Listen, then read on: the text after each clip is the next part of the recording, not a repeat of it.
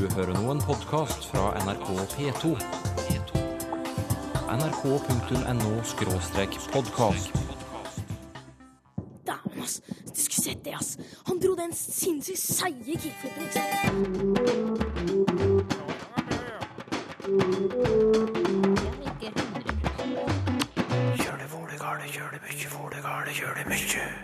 Språket i Aftenposten og Klassekampen blir mer og mer likt. Eh, I Klassekampen så tillates jo både solen og sola. Nei, det er ikke lenger så stor språklig forskjell fra avis til avis. Og, der er jeg tilbøyelig til å si litt dessverre.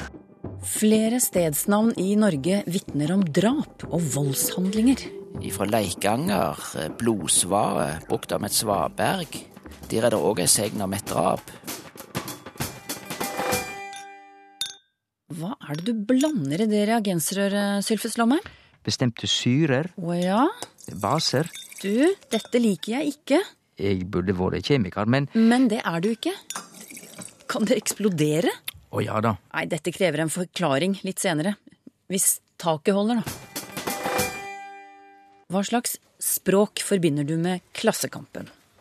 Og hva med Aftenposten? Hvordan skriver journalistene der? Er det noen forskjell? spurte vi avislesende kolleger. mer A-endinger i Klassekampen. Nei, det må vel være Nei, det har jeg ikke analysert, da. Men ut ifra gamle fordommer så innbiller jeg meg at Klassekampen eh, går litt mer Jeg har litt flere A-endelser enn Aftenposten. Vi se her.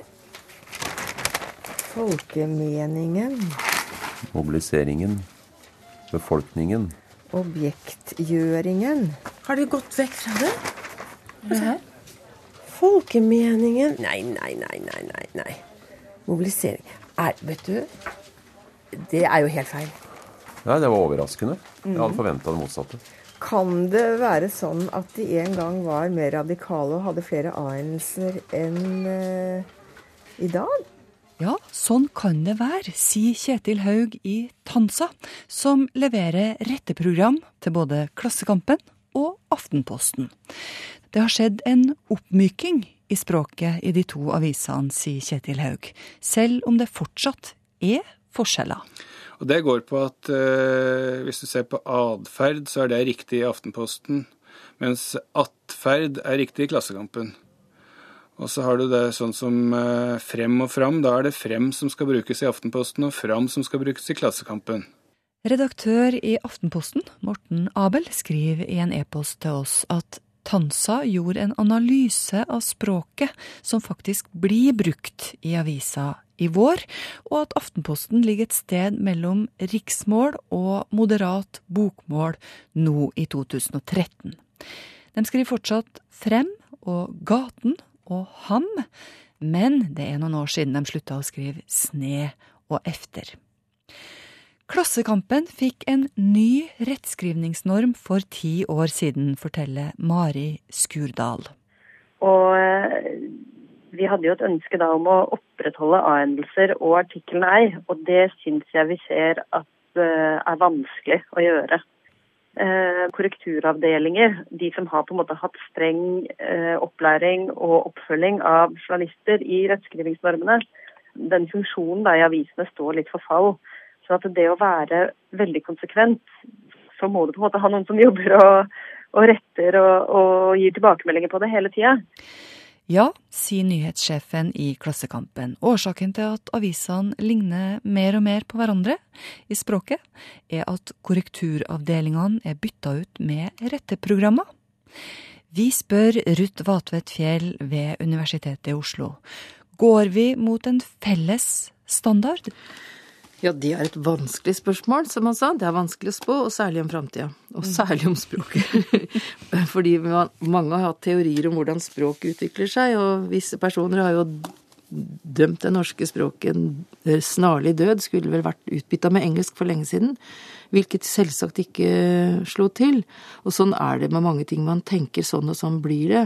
Men plutselig så skjer det en moteendring eller en bevissthetsendring. Tenk på den dialektaksjonen som vi fikk på 1970-tallet. Da trodde jo alle at nei, de norske dialektene de dør ut. De dør ut. I dag så er dialekten i Norge mer levende enn noen gang. Og en sånn reaksjon, ei sånn kraft som dytter i en uventa retning, kan det være vi ser i Fredrikstad Blad. Denne avisa går sine egne veier. De har eh, mellom annet utgitt avisa si på dialekt.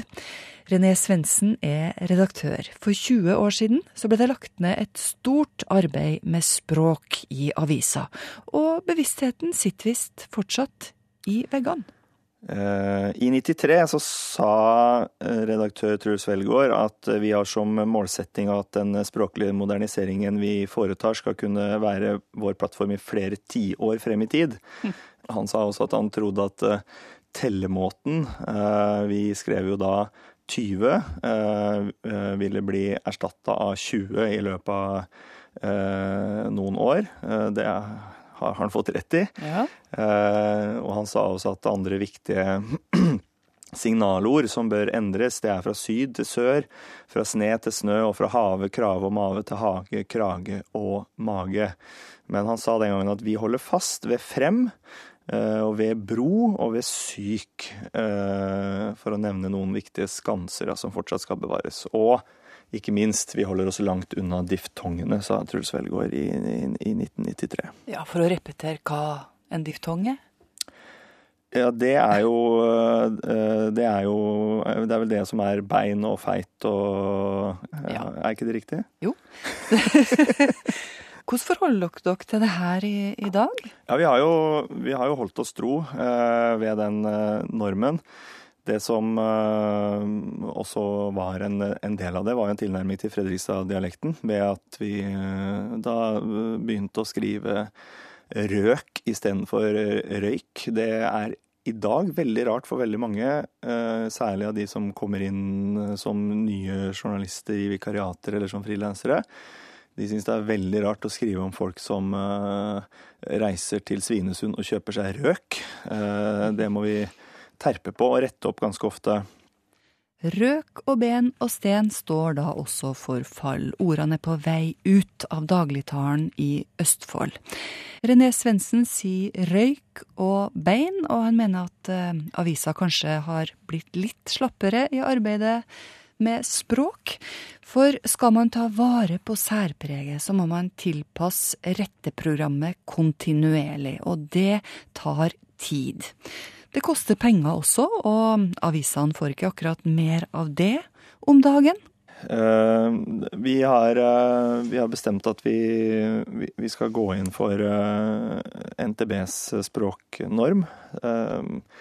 Det er jo noen rene rasjonelle argumenter for det. det vi, får, vi, kjøper jo inn en del stoff fra andre eksterne leverandører, bl.a. fra NTB sjøl. Og det gjør det jo enklere for oss når vi slipper å, å tilpasse artikler til for mange avvik da, fra normen. Og, der er jeg tilbøyelig til å si litt dessverre, den retningen det går. Men vi vil jo fortsatt holde på det med å i den, den grad det er fornuftig. Jeg mener at nyhetsspråket bør ligge nær dagligtale.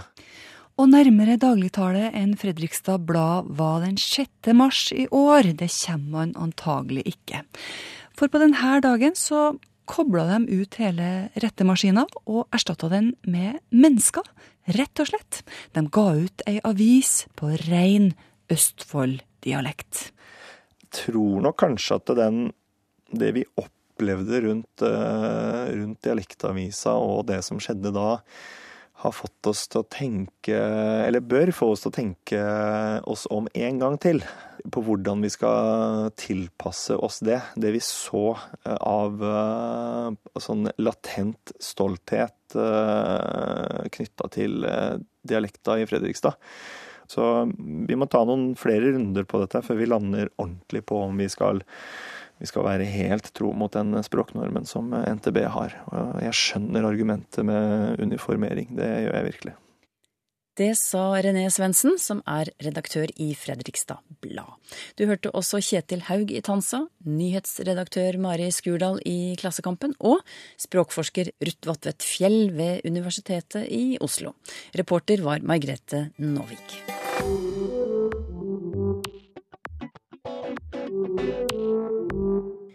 Blodfjell. Hvordan kan et fjell få et slikt navn?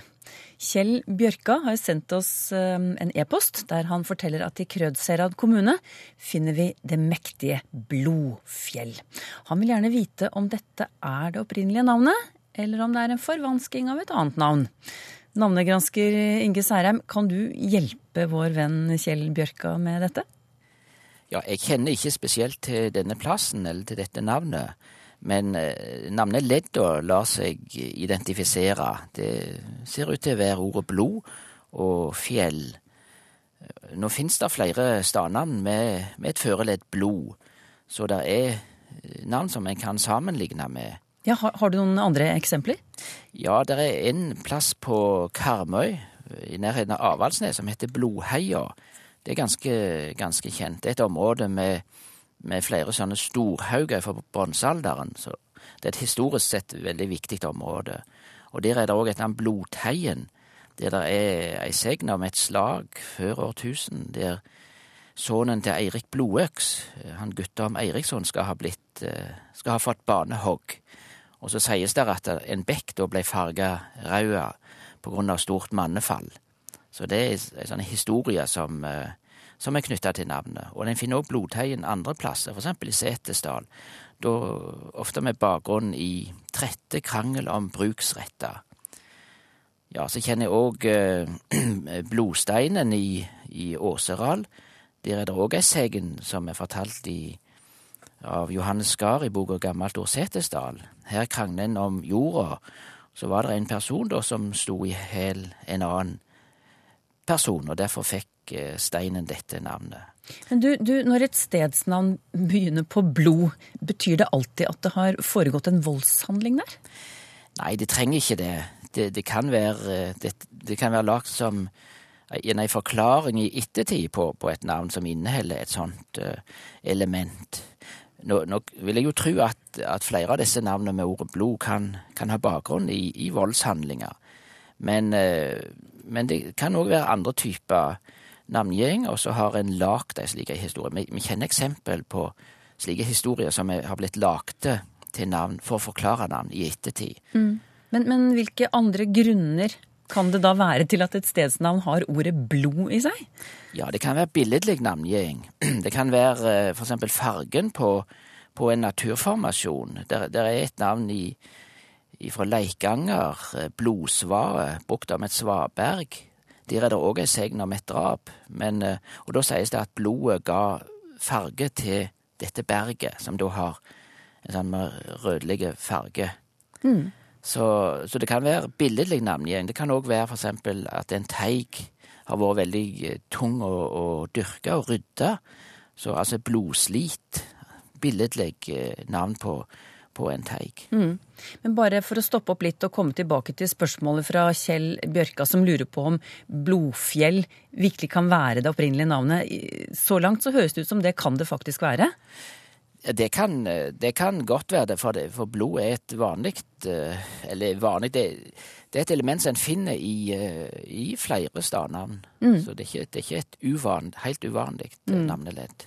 Men du, eh, disse sagnene om blodsteinen og blodheia osv. som du har nevnt nå, de handler altså om slåssing og krangel. Og slike historier kan også gi forleddet trette. Altså at noen har trettet eller kranglet på det aktuelle stedet. Kan du gi noen eksempler på det?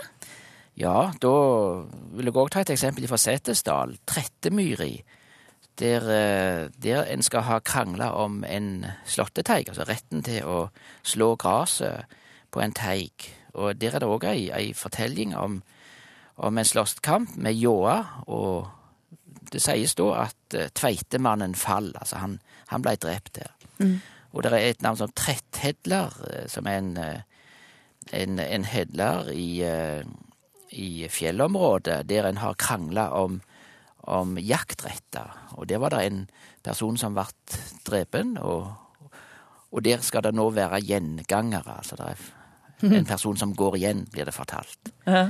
Så det er ofte, ofte vår krangel om bruken av jord og slåtteteiger. Om mm. deling av jorda, eksempel, og om, om jaktretter. Men så forstår jeg også at det hendte de ga andre navn med negativ klang for at 13 ikke skulle glemmes for ettertiden. Har du noen eksempler der? Ja, det hender det at en, en har sett et navn på en plass for å minne om det som, en, som noen da mente var en urett, for eksempel når det gjelder deling av, av eiendommene ved, ved utskiftinger eller bruk, bruken av jorda. Så et eksempel er en teig som heter Tjuamyra. Så da er det noen som mener at den blei frastålen. De som da burde hatt den. Og en, en annen plass heter Ølheia. Nei, Ølheien skal det være. Det, det er en teig der der Det blir fortalt at det, det var bestikking med øl under ut, utskiftinga. Det er da en part som, som hevder dette, da. Og, og dermed så skulle navnet minne slektene som kom etterpå, om at her hadde det skjedd en, en urett. Ja, en forteller historier gjennom, gjennom navn, og, og minner da om det som noen mener ikke var rett. Ja. Men så har du også en historie der partene ble forlikt, og dermed ga stedet nytt navn. Hva var det for et tilfelle? Ja, jeg, jeg kjenner en, et tegnavn som da opphavlig heter Tretthodel av usemja og trette om, om, bruksretten. Men på denne plassen så kom en fram til semja, og da fikk teigen det nye navnet Godhodel. Det kan skjule seg interessante historier bak et stedsnavn. Du hørte professor og navnegransker Inge Særheim ved Universitetet i Stavanger.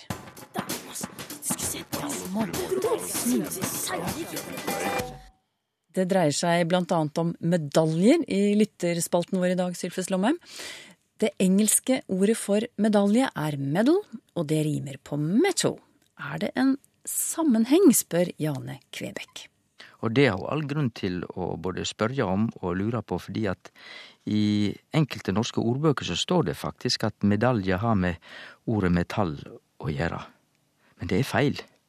Ordet medalje på norsk det kjem rett fra fransk medaille, og det igjen er slekt med det latinske ordet medium, som betyr mellom, eller midt i. Og det som er mellom, det er halvt mellom to.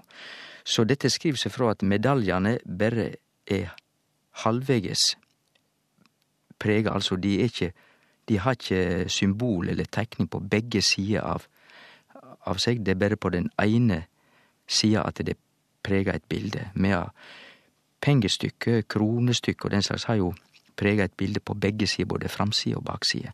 Så baksida av medaljen er altså blank, uten bilde. Madeleine Gill Forberg vil gjerne ha en forklaring på ordet lakmustest.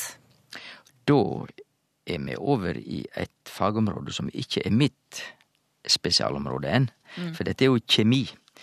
Men ordet lakmus, det skriver seg fra nederlandsk lakmos, og det er et fargestoff laga av planter. Det skal være, ifølge bøkene, nokre lavarter, altså moseliknande vekster som de lager dette fargestoffet fra. Og ordet er altså nederlandsk lakmos.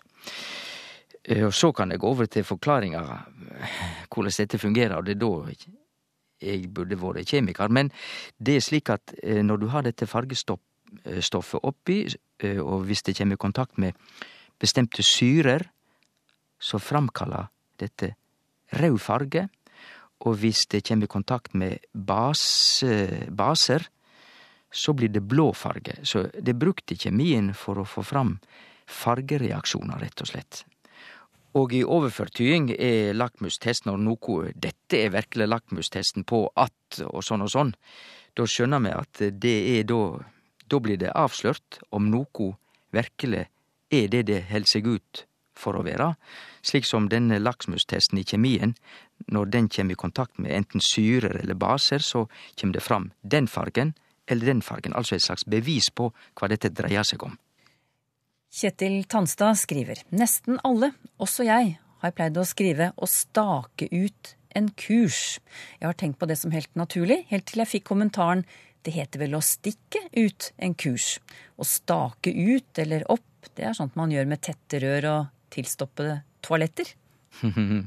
ja, det er iallfall helt sikkert at vi, når det er tette røyr og tilstoppa toalett, så er det snakk om å stake. Men for å ta konklusjonen straks, vi kan eh, både stake ut en kurs og å stikke ut en kurs. Det er heilt greit begge deler, men det er ikke heilt samme situasjon. For å stikke ut en kurs, da ser jeg føre meg blyant, kartet, og du trekker linjene, da stikker du ut kursen. Men hvis du staker ut kursen, da setter du ned stakar i terrenget, eller eventuelt i, i leia ved kysten, så da er du ute i naturen, altså i sjølve terrenget. Slik vil jeg oppfatte skilnaden eh, når det gjelder å stake ut en kurs og å stikke ut en kurs. Ordet stakittgjerde er forresten i slekt med stake, for stakitt er små stakar, så stakittgjerde er et gjerde med små stakar. Tore Aalberg skriver at han eh, regner med det er flere enn ham som har problemer med å vite hvilke menn som er i det gode selskapet og hvilke som befinner seg utenfor, og han forklarer. Sysselmann og fylkesmann, sammen med helsesøster og jordmor, de blir vel betraktet som kjønnsnøytrale betegnelser. Mens formann kanskje er på vei ut og erstattet med leder, og talsmann erstattet med talsperson. Men så har han et konkret eksempel her som han stusser over. Hva med førstemann? For meg skurrer det når en kvinne blir omtalt som førstemann, f.eks. For i forbindelse med en konkurranse. Ja, og det må jeg si at der er det veldig enkelt å unngå det, for vi kan jo bare si den første og den andre. Det er sjelden at du har behov for at du må slenge på mann. Vi kan bare si den første var sånn, den andre var sånn. Mm. Og når det gjelder det andre, det er jo litt interessant, fordi jeg vil jo si at um, formene ikke bare er på vei ut, det har vært ute lenge, mener jeg. Vi har leier, og vi har talspersoner, og vi har politibetjent i stedet for politimann og politikvinne. Det kan vi selvsagt da bruke, men da blir det en politimann, og da blir det ei politikvinne. Vi kan til og med nå si stortingskvinne og stortingsmann, og samleord er jo en stortingsrepresentant. Mm. Kort sagt, vi er kommet veldig langt i vårt land når det gjelder å ha kontroll på, på kjønnsnøytral ordbruk og det med kjønnsspesifikk ordbruk. Men eh, Tore Aalberg har rett, altså helsesøster og jordmor er stadig inne, og sysselmann og fylkesmann er stadig inne, og eh, jeg oppfatter ikke de som nøytrale, de, men forklaringa der, må jeg bare si, eh, er rett og slett at disse yrkesgruppene, jordmor og fylkesmenn, de ønsker rett og slett sjølve ikke noko endring Mannlege jordmødre ønsker ikke å bli kalla noe annet enn jordmødre. Og de kvinnelige fylkesmennene som vi har, de er ikke interessert i endring, og da blir det ikke noe endring. Dette veit jeg fordi vi hadde kontakt med disse da jeg var i Språkrådet. Så eh, det er disse yrkesgruppene sjølve som ikke har kommet med trykk. Derimot eh, Riksmeklingsmannen, den eksisterer ikke lenger, og det var kjapt gjort for hun som vart den nye riksmekleren. Hun tok kontakt med meg og sa ja, men du kan bare fra dag én slutte å si mann, du kan bare si riksmekler, eller riksmekler. Og det gjorde hun, og det fungerer jo perfekt. Det er flere som er opptatt av denne problematikken, Sylfest Lomheim. Han Bjørn Asphaug han, han, sier at han har lært at mann har en kjønnsnøytral betydning ved siden av det å betegne det maskuline kjønn. Har han rett? Har ikke, men hadde i alle fall. Det er slik at i gammel norsk språkbruk så betydde mann, eller mother, både mann og menneske, og alle som kan engelsk veit at det stadig vekk er tilfellet i engelsk. Engelsk har altså en litt meir gammalvoren språkbruk enn norsk, for det betyr man, både mann og menneske. Og det sier jo alt om likestillinga i gamle dager, mentalt, men i eh, norsk er det ikke lenger slik at mann er, er menneske. I norsk nå er mann mann. Og så, mens vi er på dette hakket, så er det jo slik at Stortinget har vedtatt at sjømann skal byttes ut med skipsarbeidstaker.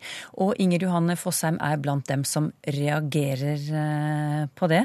Ja, det syns jeg òg. Her har ikke departementet gjort jobben, rett og slett. Jeg er helt enig i at de kan prøve å finne et kjønnsnøytralt eh, ord istedenfor sjømann, men da må de gjøre jobben. Og ikke servere skipsarbeidstaker så langt og så tungt det nytter jo ikke. Barneborn, har dere en god forklaring på bruken av dette ordet, spør Randi Karen Solerød. Hun fant det i en overskrift på nyhetssidene til NRK på nettet. Og så søkte hun litt, og det viser seg at det er ikke første gangen dette ordet er tatt i bruk, forteller hun. Å nei da, dette er et uh, ord med solid tradisjon i norsk språk.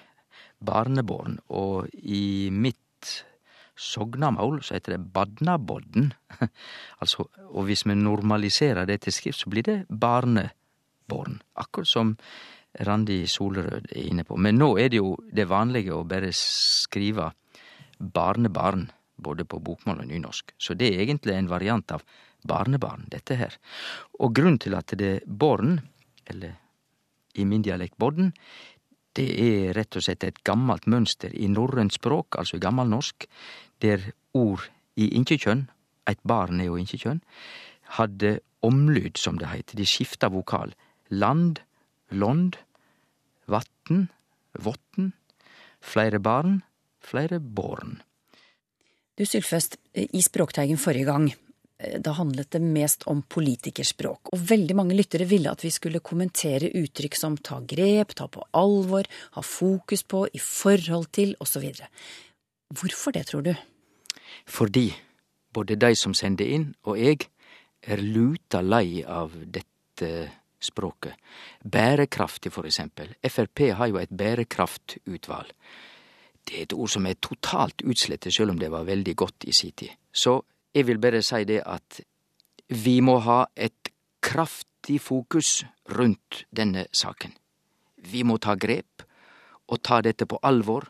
Det blir krevende, men vi går sterkt inn for en innovativ satsing her. Det er de slitesterke hverdagsorda som duger best også i politikken.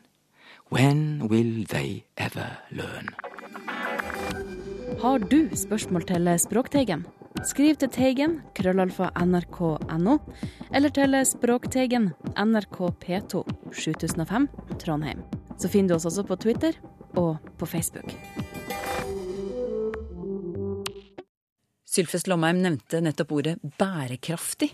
Dette er et utvalg som har pekt på utfordringer med den manglende bærekraften i norsk innvandringspolitikk. Bærekraftig, en metafor på vandring i snart 30 år. Språkteigen om en uke.